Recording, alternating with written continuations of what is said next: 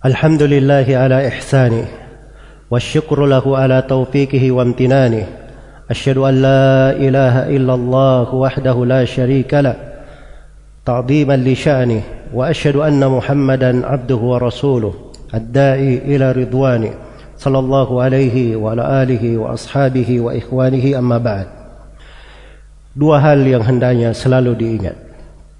Yang pertama, bahwa musibah yang menimpa badan, penyakit yang menimpa badan itu adalah hal yang ringan. Yang berat adalah penyakit yang menimpa hati. Penyakit yang menimpa agama. Kalau seorang mukmin pada saat terjadi penyakit-penyakit yang menimpa badan, ia sangat tersentuh, panik dengan hal tersebut. Tetapi dia tidak takut kepada Allah tidak bertobat kepadanya. Ini menunjukkan bahwa ada penyakit di dalam hatinya yang lebih berbahaya dari penyakit badannya. Karena kematian badan itu itu adalah hal yang sederhana. Tetapi kematian hati itu adalah masalah yang besar. Karena pada hari kiamat keselamatan dibangun di atas kehidupan hati. Allah Subhanahu wa taala berfirman yauma la yanfa'u malu wala banun illa man atallaha biqalbin salim. Hari kiamat itu hari di mana harta dan anak-anak tidak bermanfaat kecuali siapa yang menghadap kepada Allah Subhanahu wa taala dengan hati yang selamat. Kemudian yang kedua, banyak yang bertanya tentang penghentian haji dan umrah di Saudi Arabia dan menganggap hal tersebut sebagai suatu hal yang aneh suatu perkara yang perlu dipertanyakan. Dan ini semuanya adalah sangkaan-sangkaan yang keluar dari pedoman syariat, tidak mengerti dari kedetailan-kedetailan syariat. Haji itu dibangun di atas kemampuan. Allah firman walillahi 'alan nasi hijjul bait man istata'a ilaihi sabila. Milik Allah atas manusia kewajiban supaya mereka berhaji bagi siapa yang punya kemampuan ke sana. Adanya halangan wabah itu adalah bentuk ketidakmampuan.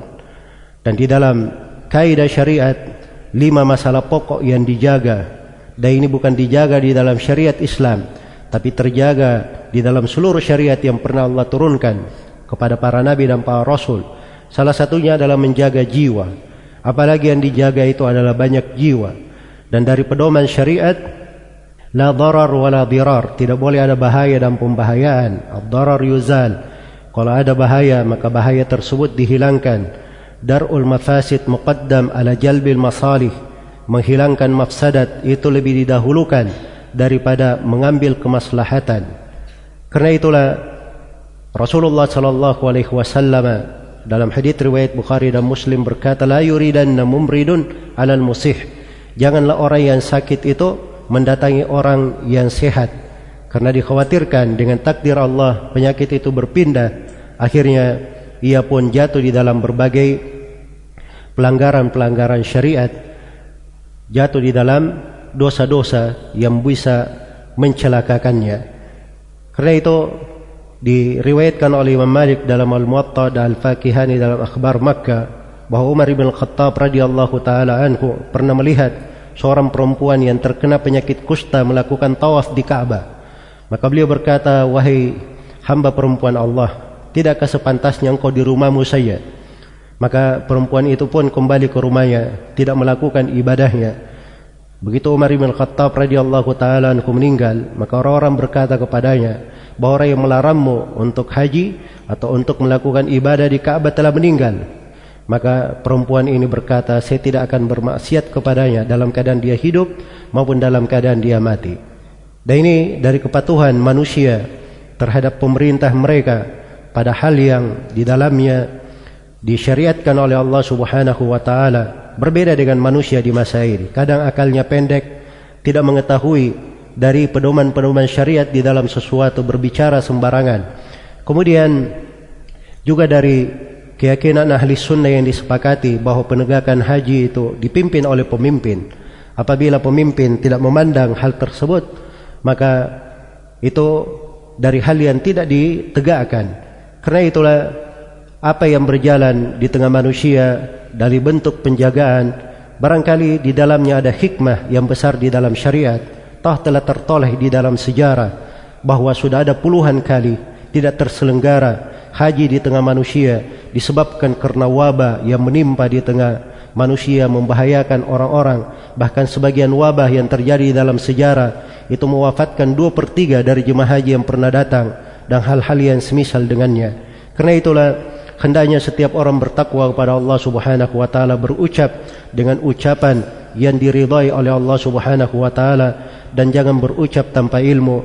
Dan semoga Allah Subhanahu wa taala selalu menjaga kita semua di atas kebaikan memalingkan kita semua dari segala kejelekan dan memelihara kita ini dan negeri kita ini dari segala hal yang membahayakannya innahu waliyyu dzalika wal qadiru alaih thumma i'lamu rahimakumullah إن الله أمركم بأمر بدا به ونفسه وثنى بملائكته المسبحة بقدسه فقال جل من قائل إن الله وملائكته يصلون على النبي يا أيها الذين آمنوا صلوا عليه وسلموا تسليما اللهم صل وسلم على رسولك ونبيك محمد وارض اللهم عن خلفائه الراشدين أبي بكر وعمر وعثمان وعلي وعن الصحابة أجمعين وأن معكم بفضلك وجودك وإحسانك يا أرحم الراحمين. اللهم اغفر للمسلمين والمسلمات والمؤمنين والمؤمنات الأحياء منهم والأموات إنك سميع قريب مجيب الدعوات ويا قاضي الحاجات. اللهم آمنا في أوطاننا وأصلح ولاة أمورنا وارزقهم بطانة صالحة تعينهم على طاعتك برحمتك يا أرحم الراحمين. اللهم من أرادنا وبلادنا بسوء فأشغله بنفسي واجعل كيده في نحري واجعل تدبيره تدميرا عليه يا قوي يا عزيز. اللهم ادفع عنا الوباء والبلاء والربا والزنا والزلازل والمحن وسائر الفتن برحمتك يا أرحم الراحمين. ربنا ظلمنا أنفسنا وإن لم تغفر لنا وترحمنا لنكونن من الخاسرين. ربنا اغفر لنا ولإخواننا الذين سبقونا بالإيمان ولا تجعل في قلوبنا غلا للذين آمنوا. ربنا إنك رؤوف رحيم. ربنا آتنا في الدنيا حسنة وفي الآخرة حسنة وقنا عذاب النار. عباد الله إن الله يأمر بالعدل والإحسان وإيتاء ذي القربى وينهى عن الفحشاء والمنكر والبغي يعظكم لعلكم تذكرون. فاذكروا الله العظيم الجليل يذكركم واشكروه على نعمه يزدكم ولذكر الله أكبر والله يعلم ما تصنعون.